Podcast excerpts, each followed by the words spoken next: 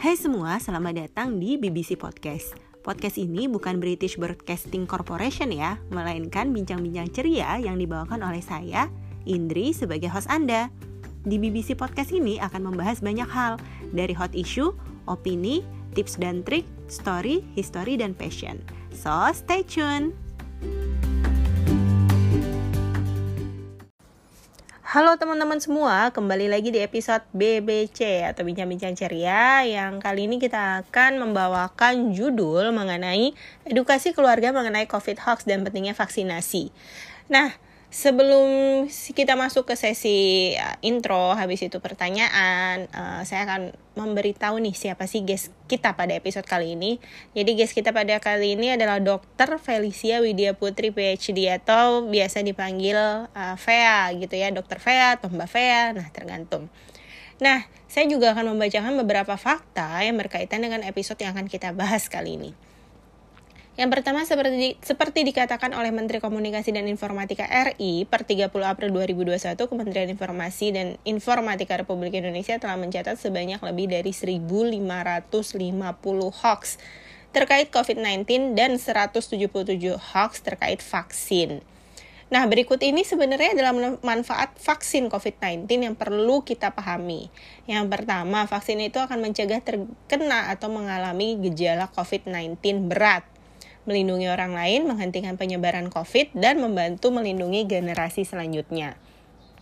Lalu yang ketiga, COVID-19 bisa menimbulkan komplikasi yang serius dan men mengancam jiwa dan tidak ada yang sepenuhnya aman dari penularan virus tersebut. Dari satu saja yang terinfeksi COVID, terdapat potensi penularan terhadap puluhan orang, bahkan lebih. Maka vaksin berfungsi menekan potensi itu. Ketika seseorang terkena virus corona, sistem imun alias antibodinya telah dapat mengenali virus itu sehingga kemungkinan tertular lagi lebih kecil. Artinya, dia lebih kebal atau imun terhadap COVID ketimbang orang lain yang belum pernah terinfeksi. Vaksin menawarkan perlindungan berupa kekebalan tersebut tanpa perlu sakit COVID terlebih dahulu. Dan ada beberapa vaksin yang sudah ada dan juga sudah diedarkan atau juga disalurkan di Indonesia. Seperti itu teman-teman.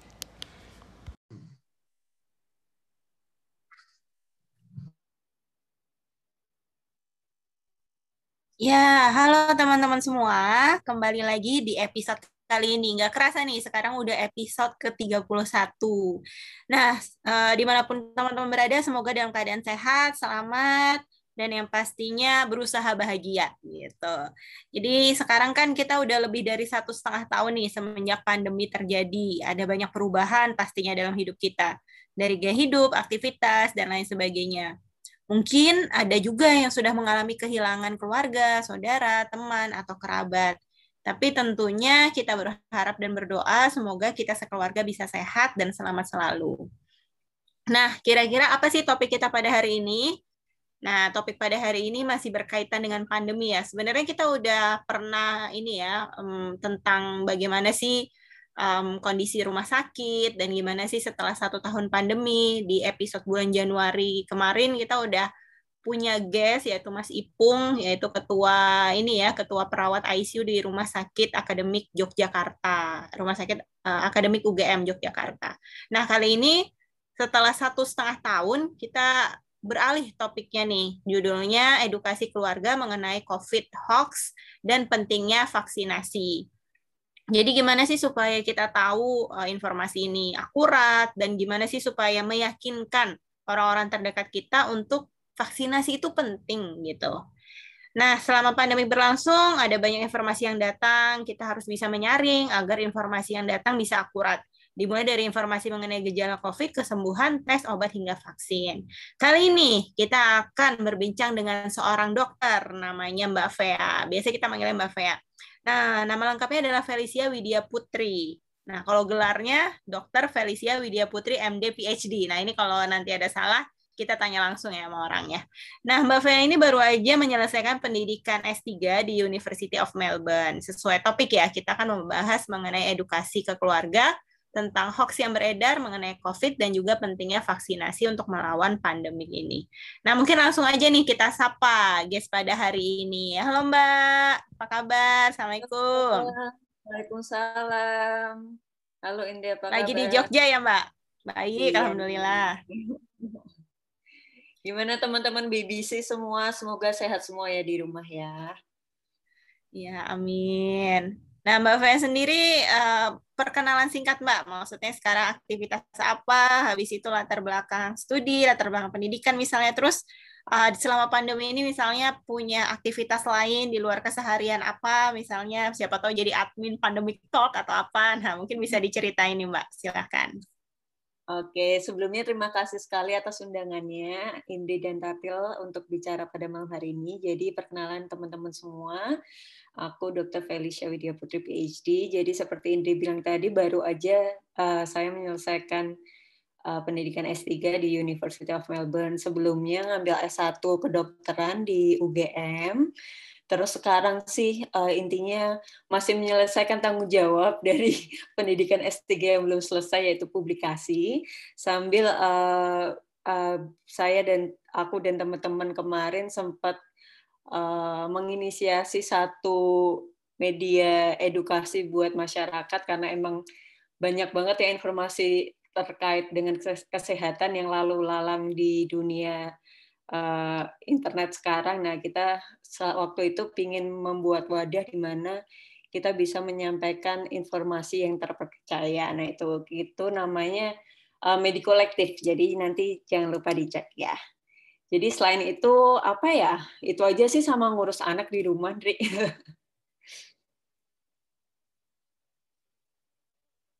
Oke, nah itu nanti dicek ya Mbak ya. Uh, nanti teman-teman bisa cek apa tadi namanya Mbak? Medikolektif. Ada di Instagram. Sama kita ya. juga sekarang mulai migrasi ke website, jadi jangan lupa dicek ya. Nah, itu teman-teman. Yang pasti kalau di sini bukan jamaah telur ya, Mbak. Aku habis dapat istilah jamaah telur nih.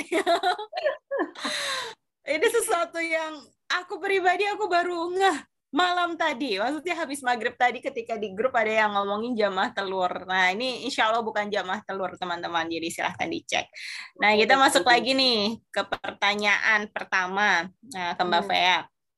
Mengenai kondisi pandemi saat ini ada banyak informasi-informasi yang beredar. Nah ada hmm. nggak sih cara untuk memastikan informasi atau sumber terpercaya itu tuh benar-benar akurat gitu. Misalnya hmm. kalau misalnya di googling itu kan ada sekitar seribuan, uh, seratusan gitu ya informasi-informasi yang beredar apalagi melalui WhatsApp grup gitu. Nah, kira-kira gimana nih Mbak caranya untuk mencari informasi?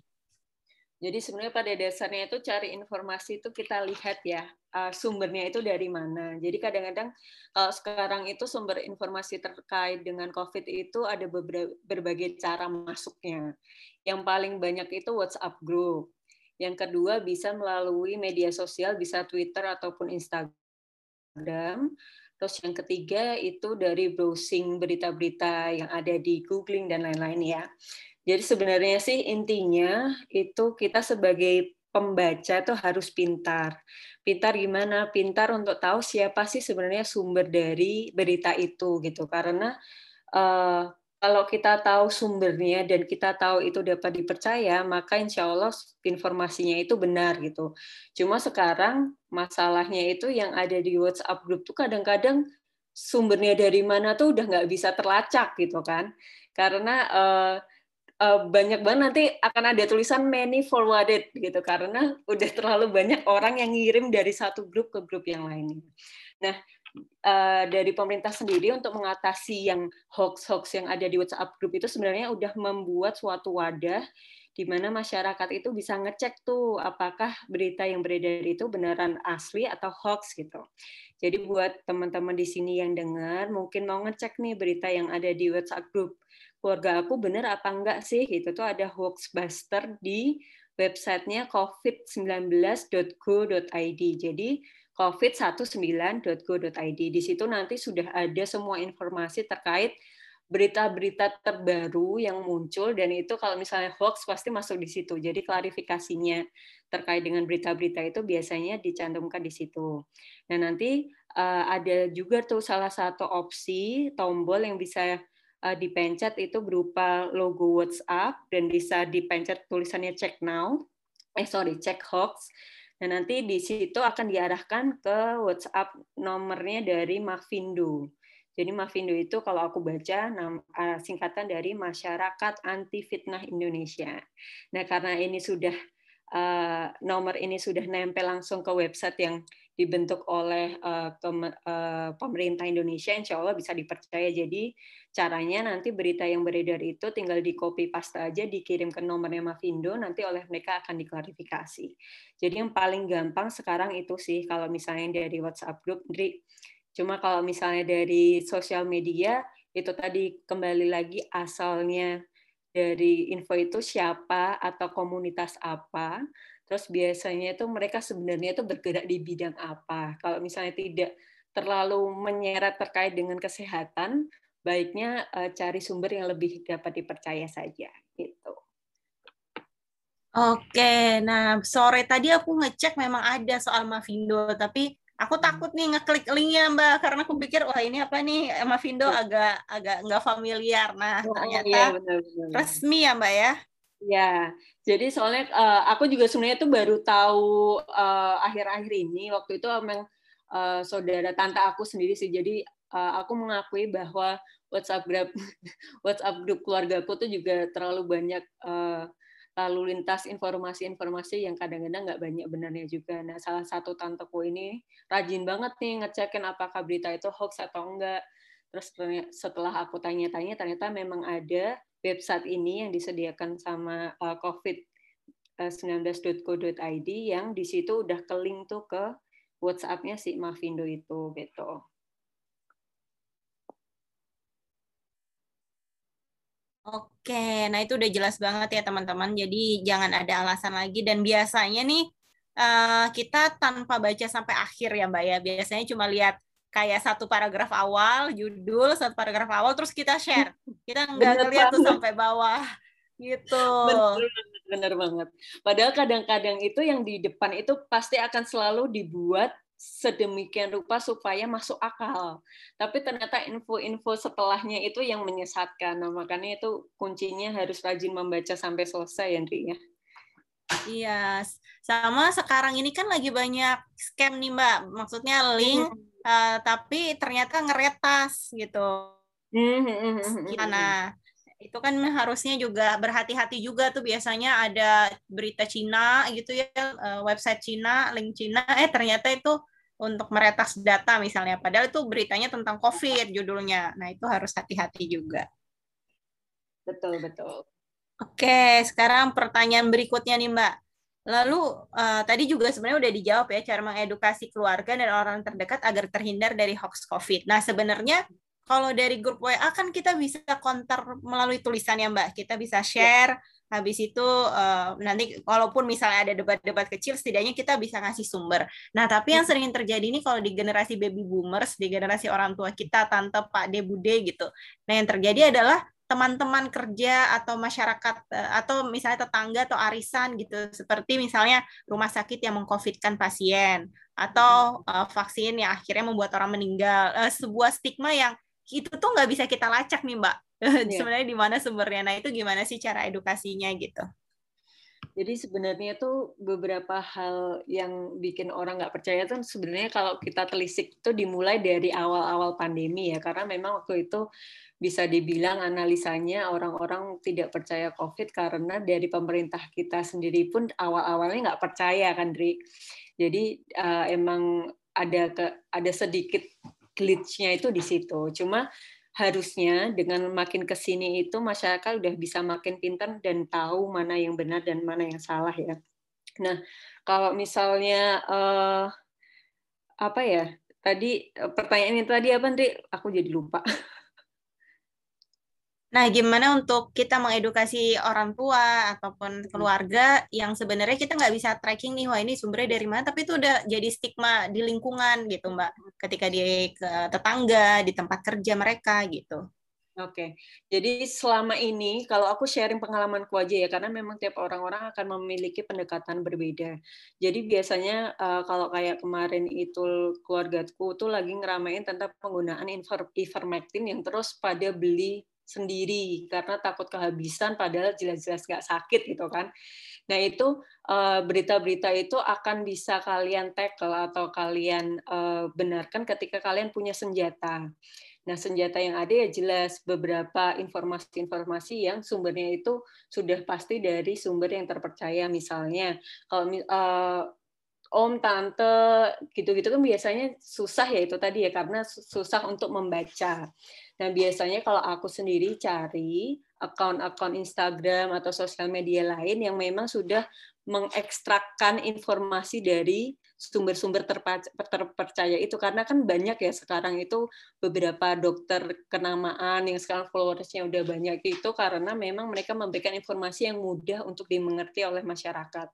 Jadi sebagai uh, uh, masyarakat yang masih berusia muda yang kita tuh channel ke internetnya mencari informasinya itu aksesnya lebih banyak, kita sebenarnya mempunyai tanggung jawab untuk bisa mengarahkan para uh, saudara-saudara kita yang emang mungkin uh, akses ke internetnya itu terbatas untuk tahu nih sebenarnya informasi yang benar itu seperti apa.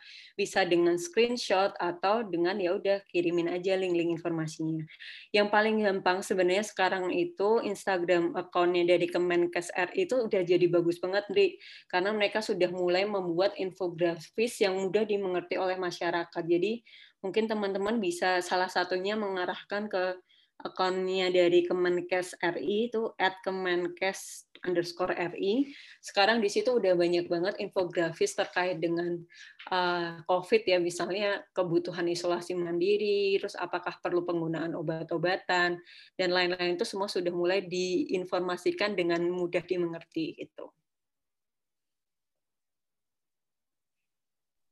Oke Mbak, nah mungkin selain akun-akun Kemenkes, sama dokter. Kalau dokter itu banyak banget ya mbak. Aku sendiri kayak misalnya yang lagi terkenal yang mungkin terkenal ada Prabata eh, uh, dokter Adam lah itu. Terus juga ada dokter Ning ada juga dokter siapa lah aku ada beberapa follow.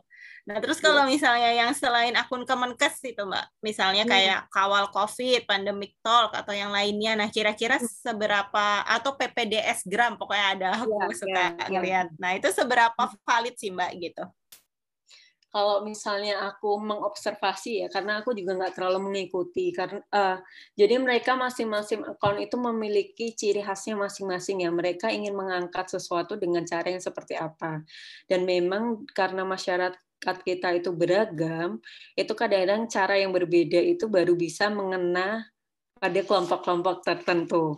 Tapi insya Allah aku percaya sih akun-akun itu karena sudah bergerak lama ya di uh, terkait dengan informasi COVID ini insya Allah bisa dipercaya. Cuma itu tadi terkadang ada uh, account yang approach-nya itu lebih memberi informasi yang menakut-nakuti. Nah, terkadang itu yang membuat masyarakat jadi lebih stres, lebih kepikiran dan merasa serba ketakutan. Nah, kadang-kadang kalau aku sendiri aku menjauhi informasi-informasi yang seperti itu.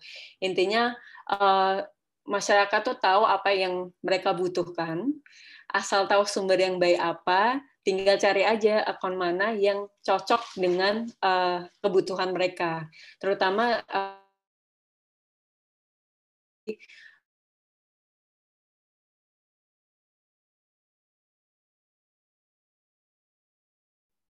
Halo Mbak. Mungkin ada gangguan jaringan ya? Mbak Fea.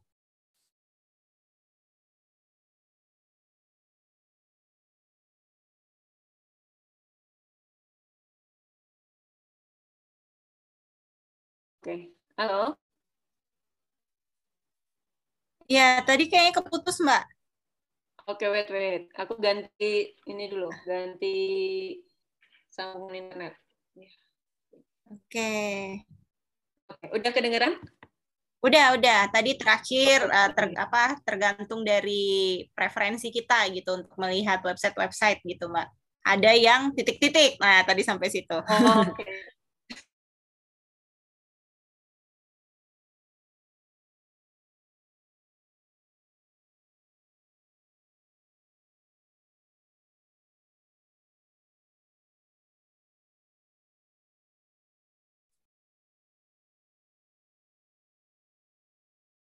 Oke, sepertinya ada gangguan ya teman-teman ya untuk itu uh, sambil kita tunggu uh, kita tadi udah nge-recap ya. Jadi nah okay. mungkin udah terdengar, Pak? Ya, masuk, masuk, masuk ya. Masuk, kayaknya karena jaringan nih. Maafkan ya. Oke. Okay. Di sini. Sampai mana tadi? Tadi website itu tergantung dari preferensi kita. Ada yang titik-titik. Nah, tadi berhenti oh, di situ. Jadi preferensinya tergantung ada yang uh, pendekatannya itu lebih ke uh, memberikan informasi secara uh, lebih tajam ya. Jadi tajamnya itu kadang-kadang ke arah menakut-nakuti. Jadi uh, istilahnya yang diangkat tuh berita-berita yang emang negatif supaya masyarakat tuh benar-benar tahu nih bahayanya COVID itu apa. Tapi kan sebenarnya nggak semuanya itu uh, hanya hanya dilihat dari hal yang negatif aja ya. Jadi kayak contohnya jadi yang gampang itu kalau misalnya ada laporan COVID positif per hari, itu jarang banget orang melihat angka kesembuhannya.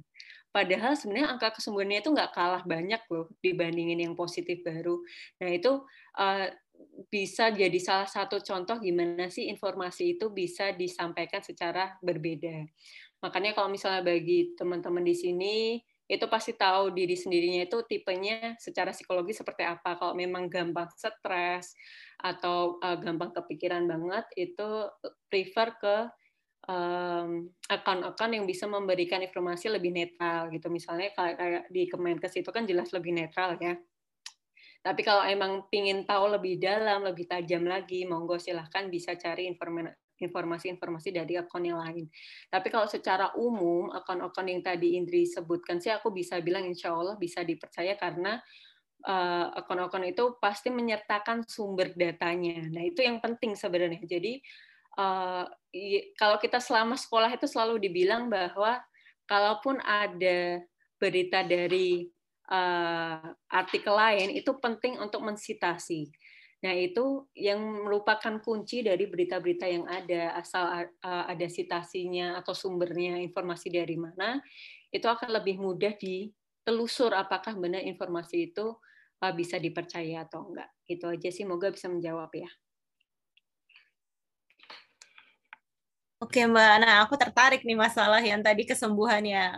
Kira-kira pekan lalu atau dua pekan lalu itu kan terjadi fenomena kalau aku sendiri di kotaku uh, ada deklarasi Mbak, 50 organisasi komunitas akun media tidak akan memberitakan uh, berapa jumlah kematian, berapa jumlah uh, kasus positif gitu tentang hal-hal buruk, tapi cuma fokus uh, memberitakan masalah kesembuhan. Terus aku baca juga kalau nggak salah 100 akun di Jawa Tengah atau di daerah mana gitu di Jawa juga sepakat. Nah kira-kira Uh, terus di grup hari ini ada yang bahas soal itu jamaah telur. Nah, kira-kira untuk fenomena ini gimana nih, Mbak? Ke, kan kita juga ngelihat psikologi masyarakat, tapi juga ya. kita jangan sampai mereka cuma ada di rumah kaca yang nggak tahu kondisi luar gitu kan ya. Nah, nah itu gimana? Nah, sebenarnya ada ilmu lagi ketika orang sekolah ya, kayak misalnya aku S3 itu, jangan ada uh, istilahnya apa? fabrikasi data. Nah, jadi fabrikasi data itu adalah mengambil hal eh, mengambil hal-hal atau data-data yang menurut si penulis itu penting bagi dia saja, tapi belum tentu bagi orang lain. Makanya sebenarnya sudah sudah benar nih informasi-informasi yang selama ini transparansinya udah baik. Jadi dilihatin yang harian positif berapa, yang di rumah sakit berapa, yang meninggal berapa, dan yang sembuh berapa. Jadi kalau misalnya dibilang tidak mau menginfokan yang positif berapa, bagiku sih memang kurang tepat ya. Karena istilahnya itu tadi uh, mengurangi data uh, transparansi data. Dan memang uh, penyakitnya masyarakat Indonesia saat ini, walaupun udah nggak mayoritas ya, tapi beberapa kelompok kan memang masih merasa bahwa COVID itu tidak ada. Nah, kalau orang-orang itu tuh mungkin perlu emang disodori nih data sehari itu kita masih segini kasus baru loh, maksud kamu masih nggak percaya gitu. Jadi ya emang lebih baik transparansi data itu uh, diutamakan dibandingkan untuk melihat dari sisi uh, subjektif gitu sih. Pendapatku gitu ya. Iya, oke, okay, benar. Uh, aku juga suka nih kalau pandemic talk itu biasanya uh, ada 20 ribu sembuh hari ini, tapi jangan lupa juga ada beberapa kematian, berapa kasus positif gitu. Benar-benar halus gitu. Cara penyampaiannya aja kan sebenarnya Andri ya. Jadi ya iya. ya pintar-pintarnya pembuat informasi itu tadi sih. Hmm. Nah, terus ya gimana Mbak? Uh, pintar-pintarnya yang pembuat informasi itu aja tadi gimana penyampaiannya. Hmm, benar. Terus uh, tadi kan juga kita ngelihat ini Mbak uh, masalah media gitu ya akun-akun so, akun media sosial lah intinya. Nah kalau kita ngomongin masalah komunitas nih Mbak, maksudnya yang lebih rigid ya satgas di RT misalnya kebetulan kan bapakku ketua RT gitu kan jadi kayak orang datang ke rumah lapor positif gitu nah sedangkan satgas itu juga um, sangat tergantung RT juga nah itu gimana nih mbak untuk edukasi uh, di lingkaran yang kecil di masyarakat seperti ini tuh harusnya seperti apa? Jadi memang keterbatasan kita itu kan karena kita jadi tidak bisa mengadakan pertemuan ya. Jadi sebenarnya kalau dari segi kesehatan sendiri itu senjata kita untuk menarget kelompok-kelompok masyarakat tertentu itu dengan mengadakan edukasi tatap muka berkelompok gitu kan. Cuma karena kondisi pandemi gini kita tidak bisa melakukan hal itu, maka yaitu tadi senjatanya adalah sebenarnya dari para uh, pemangku pemerintahan ya kayak istilahnya Pak RT, Pak RW yang benar-benar bisa mengakses langsung ke masyarakatnya yang menjadi tombak di masyarakat. Jadi beliau-beliau ini pasti tidak akan lepas dari eh, pertemuan-pertemuan rutin di mana di situ pasti akan mendapatkan informasi terupdate terkait dengan pandemi COVID dan penanganannya. Jadi memang kita sangat berharap para uh, bisa kita bilang pejabat ya para pejabat ini tuh bisa menyampaikan informasi yang uh, sesuai yang didapatkan dari uh, narasumber yang terpercaya gitu. Jadi sekarang kayak misalnya beberapa teman dokterku itu banyak sekali diundang untuk mengisi webinar yang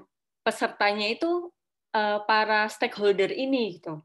Jadi harapannya sih bisa mengkoordinasikan. Misalnya kalau misalnya di areanya Indri bapaknya uh, Indri pingin nih ngadain webinar untuk teman-teman se-RT atau uh, se-RW gitu ya yang ma yang masih memungkinkan untuk mendapatkan akses internet itu bisa banget coba cari uh, narasumber yang bisa diundang untuk sharing sharing dengan masyarakat. Kalau misalnya pun hanya bisa beberapa orang karena keterbatasan uh, internet atau kemampuan teknologi itu ya kuncinya orang-orang yang bisa inilah yang uh, menyampaikan tuh ke masyarakat dengan bahasanya sendiri-sendiri gitu.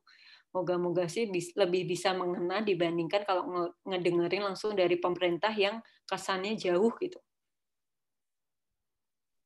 Oke Mbak, nah masalahnya kok di tingkat RT ya di tingkat uh, komplek perumahan biasanya uh, mereka nggak familiar dengan Zoom dan lain sebagainya, nah, familiarnya WhatsApp grup gitu. Mungkin yes. WhatsApp kali Mbak kalau yang pas buat mereka kuliah WhatsApp gitu. Ya bisa bisa banget kuliah WhatsApp itu juga bisa banget karena sebenarnya penyampaian materi itu kan bisa melalui rekaman suara ya kalau di WhatsApp grup ya nggak harus melulu dengan ketikan karena kalau misalnya WhatsApp uh, kuliah WhatsApp itu kan kadang-kadang yang bikin narasumbernya pusing tuh ngirimin materinya kan yang berat harus ngetik panjang tapi sekarang ada opsi untuk ngirimin suara itu sebenarnya lebih fleksibel dibandingin kalau uh, hanya ngetik aja sebenarnya uh, kalau ada usaha itu cara apa pun tuh bisa kok kita meng mengusahakan biar tujuan kita tercapai itu bisa gitu. Jadi kalau misalnya contohnya aja salah satu temanku itu di komplek perumahannya ada grupnya. Nah dari situ RT RW-nya yang edukasi ah, bahwa dapat informasi dari dinas kesehatan bahwa update sekarang itu seperti ini ini ini diharapkan masyarakat seperti ini ini gitu sih. Oke, benar banget. Uh, nanti semoga yang mendengarkan ini biasanya ada inspirasi misalnya mau buat webinar atau kulwap. Nah, silahkan nanti itu jadi salah satu ikhtiar kita untuk mengedukasi. Nah, kita masuk ke vaksin nih, Mbak. Wah, ini kan masyarakat ini pro dan kontra ya, Mbak. Maksudnya aku di keluarga sendiri Wah, akhirnya eh, orang tua bisa vaksin itu menurutku udah prestasi sendiri karena ya termasuk yang kontra juga gitu vaksin itu nggak vaksin juga nanti COVID nanti kalau vaksin meninggal lumpuh dan lain sebagainya. Nah itu gimana nih mbak pendekatan yang efektif untuk mengedukasi lingkungan sekitar mengenai vaksin? Jadi kalau aku biasanya itu mencontohkannya vaksin pada anak-anak itu Londri. Jadi kan sebenarnya uh, prinsipnya sama ya pemberian imunisasi itu intinya adalah mencegah uh, terinfeksi penyakit atau paling enggak memperingan gejala jika sampai akhirnya terinfeksi. Jadi uh, pertanyaannya gini dulu, Bapak Ibu ngasih aku imunisasi sesuai jadwal enggak? Iya. Kenapa percaya? Nah sebenarnya itu intinya sama program vaksinasi COVID ini itu tujuannya sama dengan program imunisasi pada anak-anak yang sudah ada sejak entah berabad-abad yang lalu itu bahwa emang dengan perkembangan penyakit yang ada itu kita kembangkan vaksin untuk mencegah adanya perburukan dari kondisi jika emang ter uh, ter terinfeksi. Tapi yang paling ngena sih itu selama ini tuh ketika diliatin uh, video animasi gimana sih sebenarnya vaksin itu bekerja. Jadi dari situ kan banyak nih sekarang beredar uh, beberapa edukator itu coba membuat uh, animasi bagaimana cara vaksin bekerja saat melawan COVID. Nah dari situ tuh kelihatan banget sebenarnya apa yang dimasukkan ke tubuh kita itu lebih banyak manfaatnya loh dibandingin uh, resiko-resiko komplikasinya dan semua uh, dari bidang kesehatan sekarang sudah declare bahwa memang pemberian vaksin COVID ini itu manfaatnya jauh lebih besar dibandingkan dengan adanya resiko potensi komplikasi yang sampai saat ini bisa dibilang sangat langka gitu.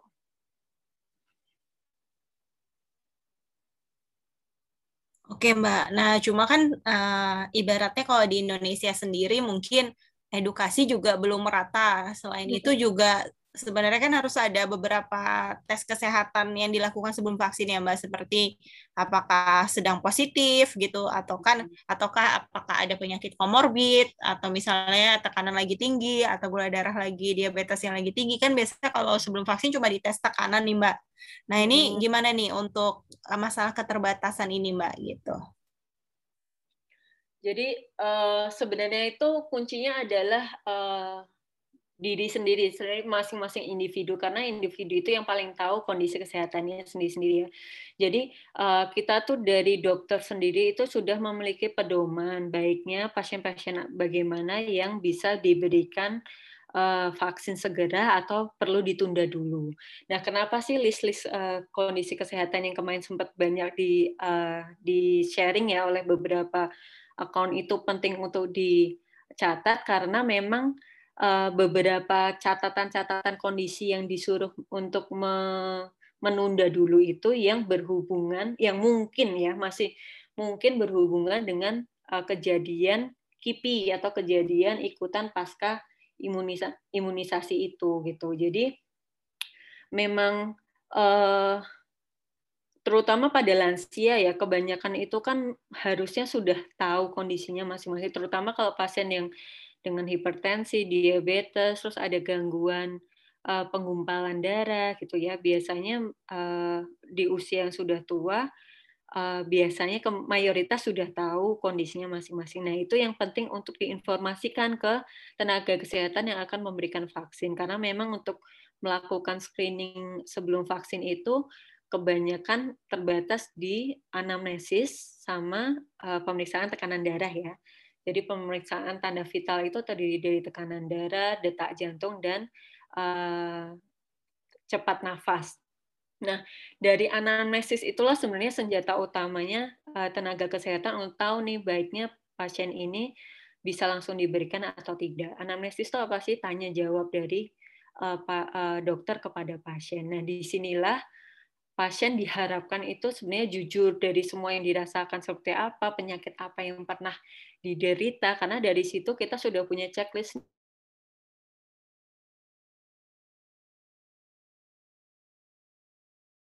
ditunda. Oke Mbak, nah mungkin um, sebelum kita, mungkin ada dua pertanyaan terakhir. Yang pertama, last remark uh, Las Rimak dari Mbak Fea. Nah, sebelum Las Rimak mungkin untuk daerah-daerah terpencil yang masih belum tahu vaksin, nah itu harus seperti apa? Nah, mungkin itu aja Mbak. Oke. Jadi uh, untuk saat ini aku sendiri pun masih bingung ya kalau ditanya karena misalnya kayak uh, eh, ART ku sendiri sekarang ini kan lagi pulang kampung karena uh, ada urusan keluarga dan di situ tuh mengedukasi beliau untuk di kampung harus hati-hati, harus prokes yang ketat, itu tuh emang sulit aku akuin itu sangat sulit karena yaitu tadi mereka belum banyak mendapatkan informasi yang tepat mengenai uh, terkait dengan pandemi ini. Dan kalau aku bisa bilang saat ini karena akses face to face yang terbatas itu sebenarnya jadi seperti aku tadi bilang ya, jadi para stakeholder itu yang atau pemimpin-pemimpin masyarakat itu yang menjadi kunci sebenarnya untuk mengedukasi para masyarakatnya, entah dengan metode seperti apa, karena pasti yang tahu metode yang paling tepat untuk masyarakatnya mereka sendiri adalah para stakeholder itu sendiri gitu.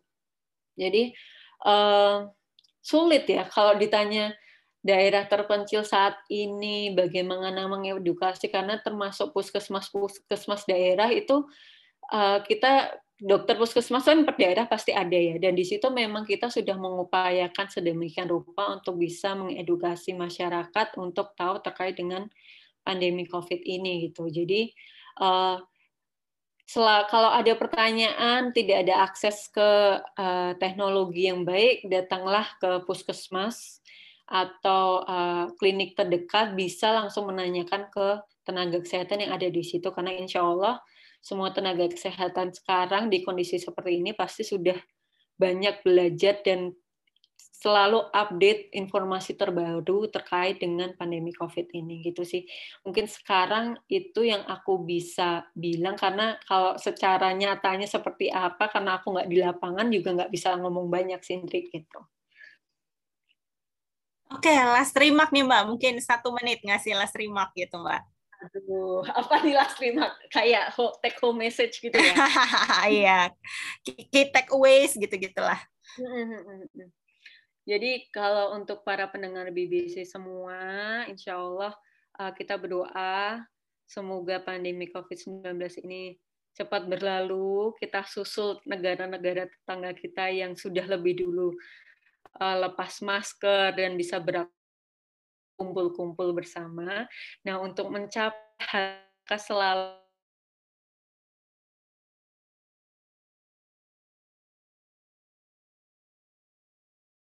yang belum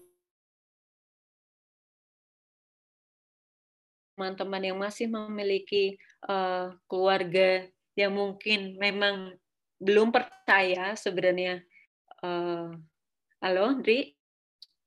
Ya, Mbak, lanjut. Kedengeran. Kita ada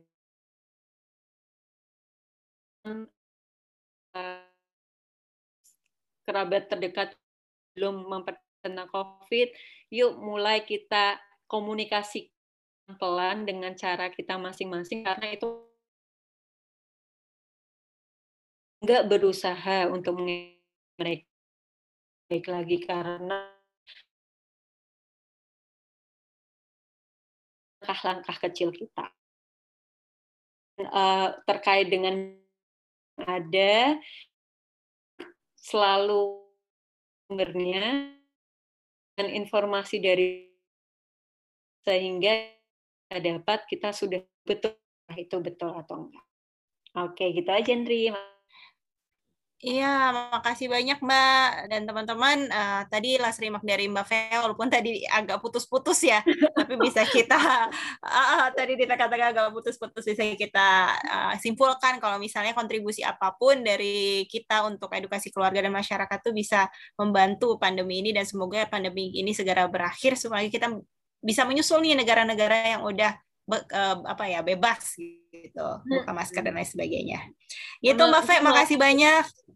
Uh, mau konfirmasi sedikit tadi yang di uh, ada cek hoax yang ada di covid19.go.id itu uh, sorry bukan dia bukan langsung berafiliasi sama Kemenkes cuma memang uh, dia dari Komite Penanganan COVID-19 dan Pemulihan Ekonomi Nasional jadi uh, kalau di cross check lagi insya Allah sih aku bisa bilang bisa dipercaya jadi monggo uh, tergantung teman-teman sendiri sih bisa percaya atau enggaknya tapi insya Allah uh, bisa dipercaya. Oke, seperti itu teman-teman. Semoga sehat selalu. Sampai jumpa di episode berikutnya. Terima kasih. Terima kasih.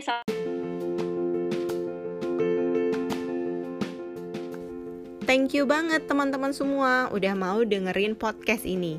Untuk update jangan lupa follow podcast kita di Twitter, Facebook page, dan juga Instagram. Bincang ceria. Tapi B-nya double ya. Terus jangan ketinggalan nih episode baru setiap hari Kamis alias malam Jumat jam 18.30 waktu Indonesia Barat. Sampai jumpa.